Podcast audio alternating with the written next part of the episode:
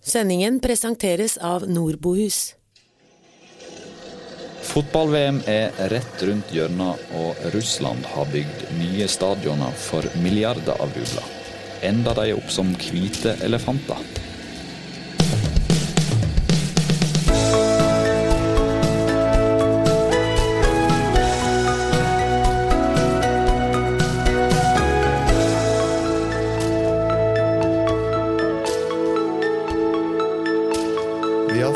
Fotballfeber i forkant av VM, og i dag er fotballstadion noe av det vi skal snakke om i byggeplassen. Som alltid trenger vi gjester, og i dag har vi fått med oss Per Ravn Omdal. Og Knut Selberg. for de som ikke vet hva en hvit elefant er, så er det et uttrykk for en dyr gjenstand som én eier har vanskeligheter med å kvitte seg med, og som koster mer i drift og vedlikehold enn den klarer å innbringe i form av inntekter og nytte.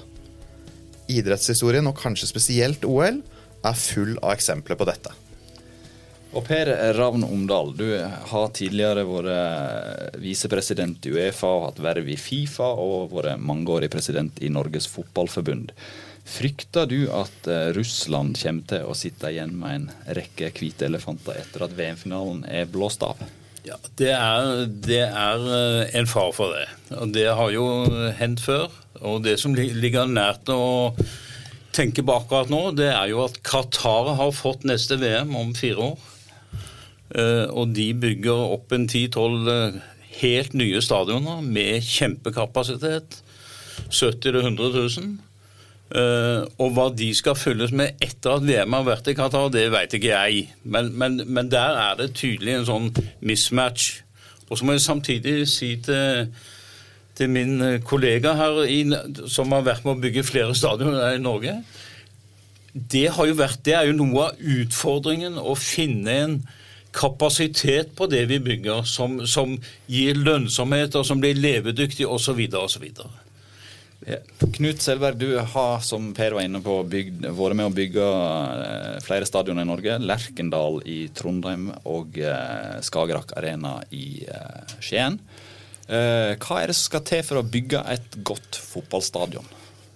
Eh, Det er å Altså det å finne, finne balansepunktet mellom kan si, eh, det fotballfaglige og kapasitet og publikum og alt det der, eh, eh, med å holde kostnader og samtidig skape andre inntektsstrømmer, sånn at dette her går i hop på, på, på utleie av lokaler og billettinntekter ved kamper.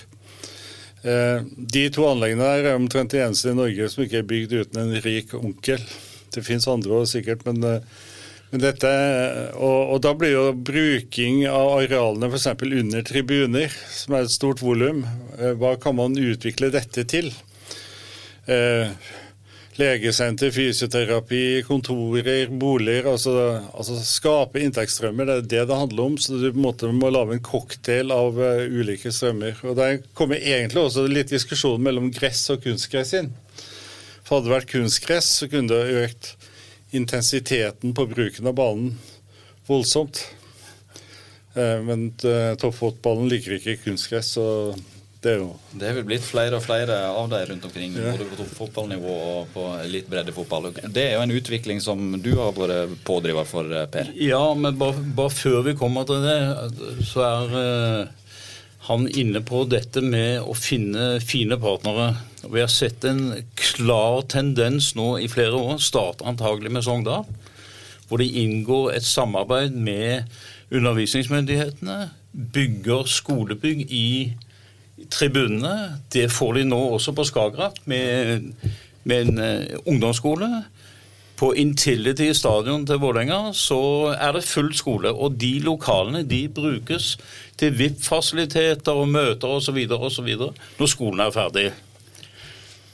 Og det, det syns jeg er en veldig ålreit måte å utnytte kapasitet og muligheter på. Det er bra for det offentlige, og det er bra for uh, fotballen. Og når du er inne på hverdagsanlegg, så har vi samme tendensen, faktisk. Altså breddeanlegg rundt om i landet. At vi prøver da å bruke eh, det offentlige og legge det så tett opp til skoler som mulig. Nettopp for å utnytte bruksmulighetene på formiddag. En kunstgressbane kan du bruke i prinsippet 24 timer i døgnet. Ikke sant? Den har et par tusen brukstimer i året. En, en vanlig gressbane har uh, ca. 200 brukstimer uh, som kapasitet i året. Men ved å legge det til skoleanlegg, så kan skolene ha disposisjon over dette på, uh, på dagtid. Og vi får barn igjen som er enda bedre og motiverte til å spille fotball. Men noen av de mest minnerike øyeblikkene jeg har hatt på et fotballstadion, er i bånn av en gressbakke inntil et reklameskilt på Falkum i Skien. Der sto vi Odd-kamp etter Odd-kamp og ropte på de samme spillerne. Men, men, det kan vi ikke lenger. Hvordan er det å ta vare på det gamle i det nye? Eh, ja, det kan du si. Altså, jeg husker jo fra hoppsi, yngre dager da ståtribunen på Lerkendal stadion og og Odd Iversen og alt det her. Det var jo episk alt sammen. Men det er noe som heter sikkerhet og trygghet og en del andre ting som gjør at ståtribuner med store folkemengder er egentlig ganske farlige saker. Så, så den utviklinga der tror jeg egentlig bare er bra. at det har jo vært noen stygge, stygge ulykker og, og uh, tragedier på fotballstadioner rundt omkring. Og, og, det er jo noe en må planlegge seg vekk ifra også, som arkitekt, regner jeg med. Hvordan uh, gjør? Har du gjort det på Lerkendal og, og Skagerrak Arena? Ja, nei, altså, det, det, første er at du har sitteplasser. Det er liksom første bud. Har du ståplasser, så kan jo folk begynne å bevege seg fremover og, og begynne å, å, trykke fremover. og Da kan det gå skikkelig ille helt der fremme. Og det har jo skjedd. Så sitteplasser er et, et, mantra. Det andre er at du har rømningskapasitet, sånn at folk kommer seg ut fort og greit. og Der finnes det jo masse regler om det i plan- og bygningsloven og annet. sånn at eh, det, det er på en måte følge reglene, det. Så, det er ivaretatt. Ja, så er det ivaretatt. Men du har tegna to stadion. Du tegna i Skien ja. og i Trondheim. Ja. Først, i først, i Trondheim, ja. og så i Skien. Yep.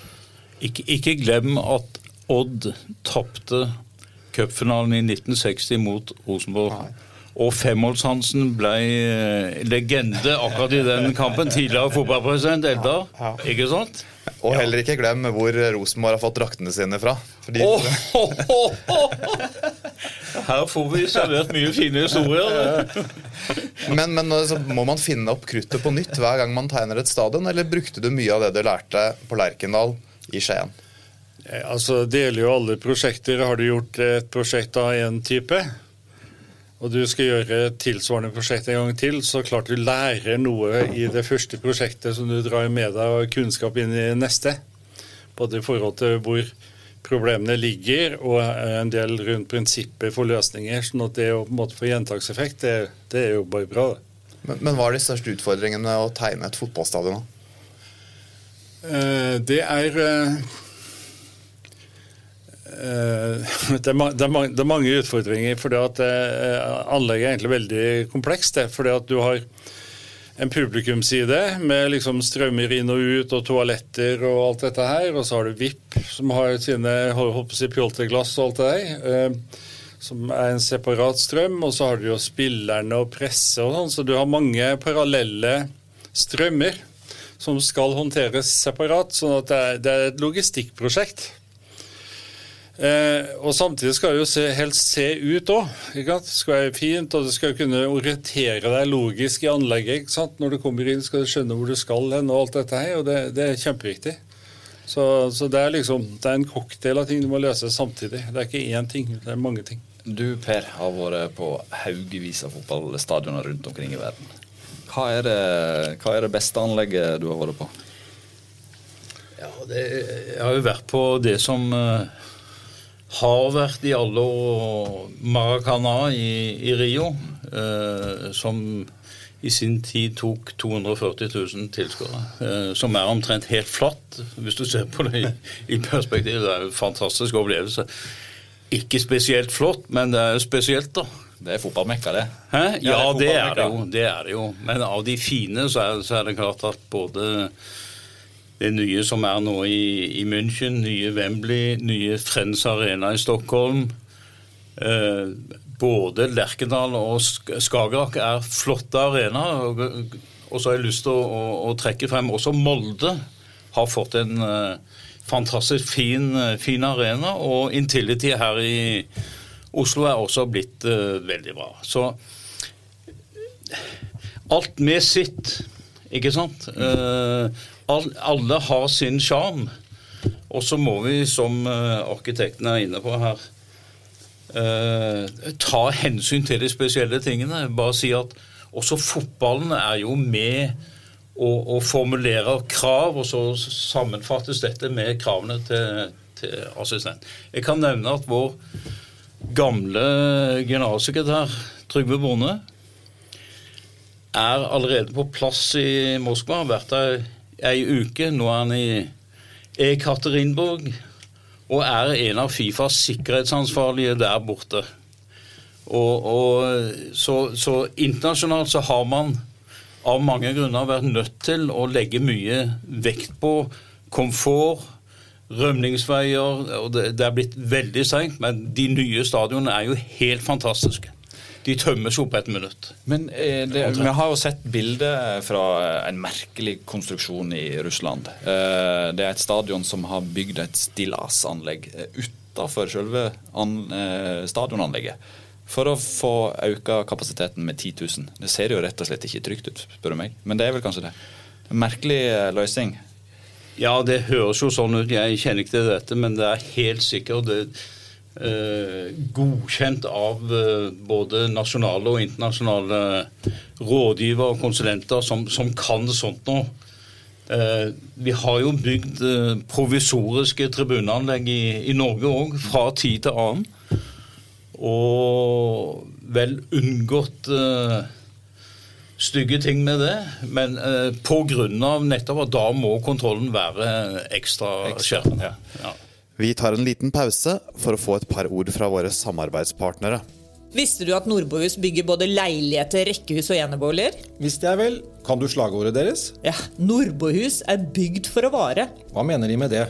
Kundetilfredshet, byggfaglig kvalitet og tømrere som bygger hver eneste bolig med omtanke og kjærlighet, er viktige elementer i Nordbohus filosofi. Kan man ha kjærlighet i arbeidet med å bygge en bolig? Ja, det kan man visst. Og nå ønsker de flere bedrifter inn i kjeden. Sjekk ut nordbohus.no. Og da er vi tilbake på byggeplassen.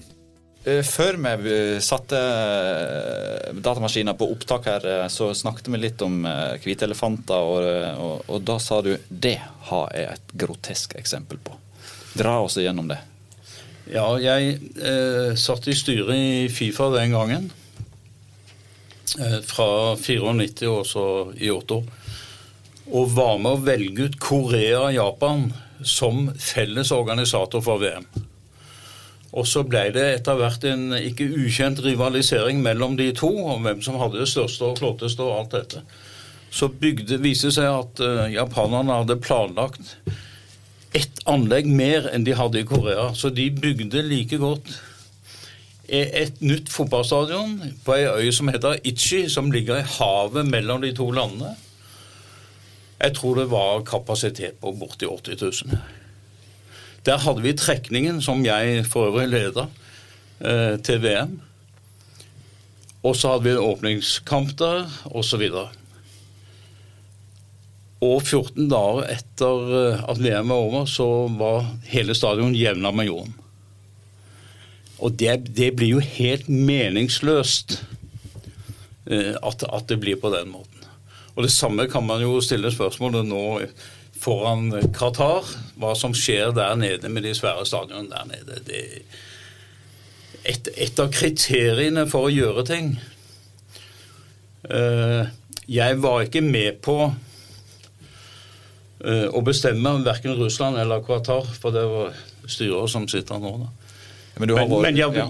jeg, var helt sikker på at Russland skulle få det, og ikke England, som folk trodde. Uh, og så tippa jeg Australia og ikke Qatar.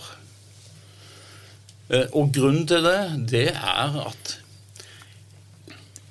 bygging av stadioner, utvikling av infrastruktur, det er også en samfunnsoppgave som er liksom Legacy er det noe som ligger igjen etter at du har gjennomført et mesterskap.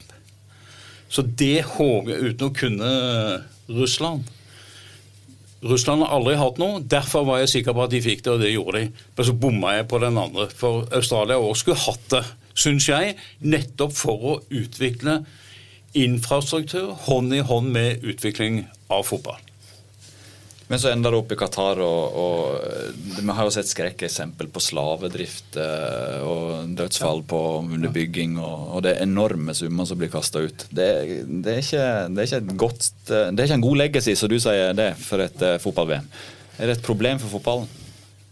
Ja, nå har uh, Norge sammen med de nordiske landene tatt inngrep, eller tatt initiativ, sammen med LO for øvrig. Uh, på å rydde opp i dette. Og her er det helt klart en, en ting som må inn i søkerkriteriene uh, på en helt annen måte. Altså de, altså de, sosiale kriteriene, om jeg kan si det sånn, som ikke bare er bygningssekk, er jo blitt mer og mer omfattende etter hvert. da. Men det må inn. Litt, over, litt tilbake til Norge igjen. Um, det er jo mange sterke personligheter i Skien òg, men i Rosenborg så har de jo Nils Arne Eggen. Ja. Hva hadde han å si under byggeperioden? han, eh, han, eh, Eggen er en eh, flink fyr, for å si det sånn. Som trener er han jo legendarisk, ikke bare i Rosenborg. Nei, han, han har jo meninger om det meste, og er jo blir jo fort verdensmester i det han holder på med. Så det, det, ble håndtert på en grei måte i Lerkendal-prosjektet, for å si det sånn. Så, så eh, men, men, han, men, han, hadde ideer og tanker rundt ja, ja. Eh, stadionutviklingen? Ja, den dagen den mannen ikke har tanker og ideer, da, da er han dau, altså. Jeg kan først si at jeg setter jo Nils Arne som veldig høyt. Han har jo skapt utrolig mye både for Rosenborg landslag og, og vår internasjonale renommé og hele greia. Også, men han er jo en veldig fargerik eh, person. da. Det, det fortelles en eh, historie om han at eh, han var ikke helt fornøyd med brøytemannskapets innsats utafor brakka på gamle grusbanen. Så han uh, fant en plog av den gode, gamle sorten Eh, og festa på sin egen bil. Og så full rulle, og det varte i nøyaktig ti meter. Da gikk hele eh, støtfangeren og alt blåste til sida. Så det, det ble, han ble kortvarig som, som barneassistent, kan du si. Det var ikke driftskontrakt med Statens vegvesen, han. Eh, på, på Ullevål så har de òg tanker og ideer. Det er jo et lokomotiv eh, på mange måter i norsk fotball. Ikke bare pga. at landslaget spiller kamper der, men det har vært en suksesshistorie som det er alt annet enn hvite elefanter. Der er det konferanser, det er næringsdrift, eh, kontor. Hva er det som er bra med Ullevål, Per? Ja, jeg er jo veldig glad i Ullevål og har liksom fulgt det i, i mange, mange år. Nei, Vi har funnet uh, noen løsninger i første rekke nå på, på både næringsdrift og uh, kurs og konferanser, som, vi, som det er faktisk blitt uh, Oslos største konferansesenter. Og så skal dere ha en hockeykamp der òg, og dere skal ha et motorshow. Det viser ja. at man kan bruke fotballstadion til mye andre ting òg enn bare fotball. Ja, det, og kreativiteten har økt. Og det, det henger også sammen med at Vålerenga har fått sitt eget nye, flotte stadion. Selvfølgelig. Og for å holde driften i gang og interessen i gang og motorikken, så er man nødt til å finne på andre ting òg. Men kan Ullevål bli et VM- eller EM-stadion en gang i framtida? Ja. Dere har da vært inne på tanken tidligere. Da må du opp i 60 000-70 000 i kapasitet. Så jeg anser det som plakat utelukka. Fordi etterbruk av noe sånt noe er eh, og det, det, er ett stadion, og du trenger kanskje tolv stadioner for å Vi må ikke glemme skal jeg ta eh, Hvor jeg selv satt i, i Fifa. Jeg skal tilbake til 1998 i Frankrike. Da regna de med til det fotball-VM, fordi det ligger sentralt i Europa osv., at det kommer 1,3 millioner tilreisende. Ikke sant? Som skal transporteres og belegges og bespises og hele greia. Så VM, nei. mesterskap for aldersbestemte landslag eller eh, andre ting som ikke krever samme kapasitet? Ja. Framfor oss eh, på, eh, på bordet her nå så har du tatt og printa et bilde du, Per, eh, av ei fotballbane som ligger ute, midt ute i havgapet i Henningsvær. Fortell litt om da noen amerikanske journalister ble nysgjerrig på, på det anlegget der. Ja, Det var før VM i 94, når vi skulle spille i USA. Da hadde vi besøk av en delegasjon av amerikanske journalister som vi håndterte sammen med UD. Eh, Og vi tok de rett fra eh, Fornebu og så opp til Bodø og så ut i Lofoten. Hvor vi arrangerte en jentekamp. Det var veldig gøy. for Med lokale jenter. Og så ble det selvfølgelig full snøstorm, da. Men det ble veldig gode TV-bilder og filmbilder. Dagen etter så var det serieåpning i Bodø, Bodø-Glimt mot en eller annen, og det var full orkan, ikke sant? Og utrolig vanskelig, og det ble også bilder av en spesiell karakter. Så det, det slo veldig godt an i USA. Ja, dette her har jo blitt en sånn farsott på sosiale medier, det bildet der. og Det, det viser jo litt eh, det, det er jo arkitektur, dette her i verdensklasse, er ikke det det? Jo, jo. Jo det, Noe vi, vi kan være stolte av her i Norge, så er det en fotballbane i Henningsvær. ja, nei, alt som, alt som funker, er bra. Uansett om det er tribuner eller ikke. ikke? Altså, det, Det eneste jeg lurer på når jeg ser på det bildet øh, med havet rett ut der, hvor mange baller er det som har gått på havet der? Ja, Det er ikke mange, men jeg kan fortelle deg at på første landslagsarenaen eh, på Færøyene, hvor Norge spilte mot Færøyene tilbake på tidlig 90-tall, der var det omtrent 350 meter ned, seks meter bak mål og rett ned i sjøen. Så der forsvant det mye baller. Er det noe arkitekten må ta hensyn til? Her skal ikke det forsvinne baller ut, øh, ut i bybildet. ja, nei, det, det, det er mer sånn eh, Sånn eh, esoteriske tilfeller på spesielle steder. for å si det sånn. Vi har, jo øh, styrt unna de verste blemmene på stadionene i Norge, kanskje. Men det har jo vært noen prosjekt som kanskje ikke har dratt de så store øh, inntekter som de burde.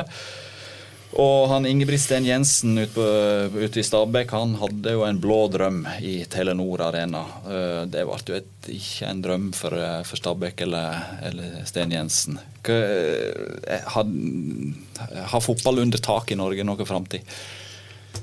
Ja, nå har vi, eh, bare for å nevne det, eh, så har vi eh, 28 storhaller i Norge. Altså innendørshaller. Eh, et par av dem er det også bra tilskuerkapasitet på. Eller bra, dvs. Si 3000-4000 eller et eller annet sånt noe. Brukes jo veldig mye til trening, da. Eh, og vi har borti 100 småhaller. 112 for å være helt nøyaktig. Eh, og det er omtrent sånn 40-60, altså en forminska bane, da. Så det som er oppe av sånne ting, er i første rekke eh, veldig bra for treningsformål i, på harde Men her var, det, her var det tippeliga og Ja, ja, ja, Europacup. ja. Valencia var vel der og spilte en gang i tida, tror jeg. Ja da. eh, og, og hva si Arenaen er veldig flott. Eh, vi, altså Fotballforbundet, bruker den jo til bl.a. Uh, cupfinale for kvinner, for aldersbestemte landslag osv. Og, så og, og en del andre kamper så leier vi dette. Eh, dette. Dette falt jo på eh, interne diskusjoner med eiere og Stabæk osv. Så, videre, og så, videre. så hvis det er mulig å få til en løsning i fremtiden, eh, få mer bruk av en sånn arena, så syns jeg det er absolutt fint. Du eh, har, har levert planer på tak på Lerkendal òg, du? Har skisse på det, Knut, har ikke du det? Pla planer på tak Ja, vi har jo studert, vi har studert eh, hva det innebærer, og det, det er ganske heftige, heftige inngrep. Ja. ja, det, det, det blir dyrt og vans Ja, vanskelig. Det, det er mulig, men det er dyrt. Eh, og, og skal du ha ekte gress, så begynner det fort å bli et problem å ha tak, fordi at eh, ekte gress vantrives under tak. Så, så det er på en måte litt sånn selvmotsigende. Og da må du ha bevegelig tak, sånn at taket ikke er der når du på en måte ikke spiller. ikke sant? Eller bevegelige gressmatter. hvis ser Eller bevegelige Tottenham ut, og, Ja, og det det er vel i Nederland eller Belgia, og hvor flere har Amsterdam Arena. Ja, Amsterdam har det. Kjører ut gressmatta. ikke sant? Det, er jo, det er jo en Cadillac-løsning, men uh, den er ikke billig. Det blir fort en hvit elefant. Ja, det er, du har et stort potensial. Så vi får ikke tak på Lerkendal med det første. Nei, jeg tror ikke, jeg tror ikke det er nødvendig heller. Jeg er litt ærlig. Får vi tak på Ullevål? Nei, det tviler jeg på. Det tviler jeg på. Eh, eh, Stor, gresset, naturgresset på Ullevål har vært fantastisk bra de seks-sju siste årene. Eh, Og blir skifta ut. Eh, Og jeg tror det, den miksen man nå har med kunstgress og Vi skal ikke glemme at vi lever i et eh, land med til dels sterke klimatiske utfordringer. Så vi har nå bygd eh, over 1100 store kunstgressbaner. Nesten 3000 ballbinger, som er like viktig for å holde liv i eh, de lokale. De ligger ofte opp til skolene og tar vare også på de uorganiserte, altså de som ikke vil være med i en, eh, en klubb på en eller annen måte. Så vi er ute etter aktiviteten og ser dette som ja, hva skal vi si, det er blitt en slags nerve i de fleste lokalsamfunnene i hele Norge. Vi har en overordna målsetting at ungene skal kunne gå på treninga eller sykle. Ikke sant? Og, og få det så nær som mulig. Derfor er jeg like opptatt av disse bruksanleggene. Eh, også fordi at vi begynner å få konkurranseanlegg som eh, er veldig bra. Det er et par, par unntak som eh, men, men det tilfredsstiller norske behov, og Lerkendal og noen andre tilfredsstiller også spill i Europacup osv. osv.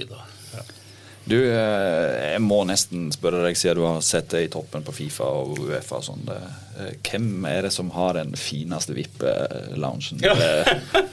rundt omkring? Nei, nei det, det vet jeg. Det er jo, det er jo sofistikert i, etter hvert i hele England er det jo blitt uh, veldig Men Barcelona og Real Madrid har hver for seg Det er veldig flott. Det er veldig flott. Hvordan ja. mat serverer dere med Nei, det, ja da, det er eh, alminnelig bra mat. alminnelig bra fransk tapas? Jeg ble veldig imponert på Bernabeu en gang, for jeg så de hadde terrassevarmere i taket som lyste, lyste real når de sto på, og det syns jeg var en fin, liten detalj.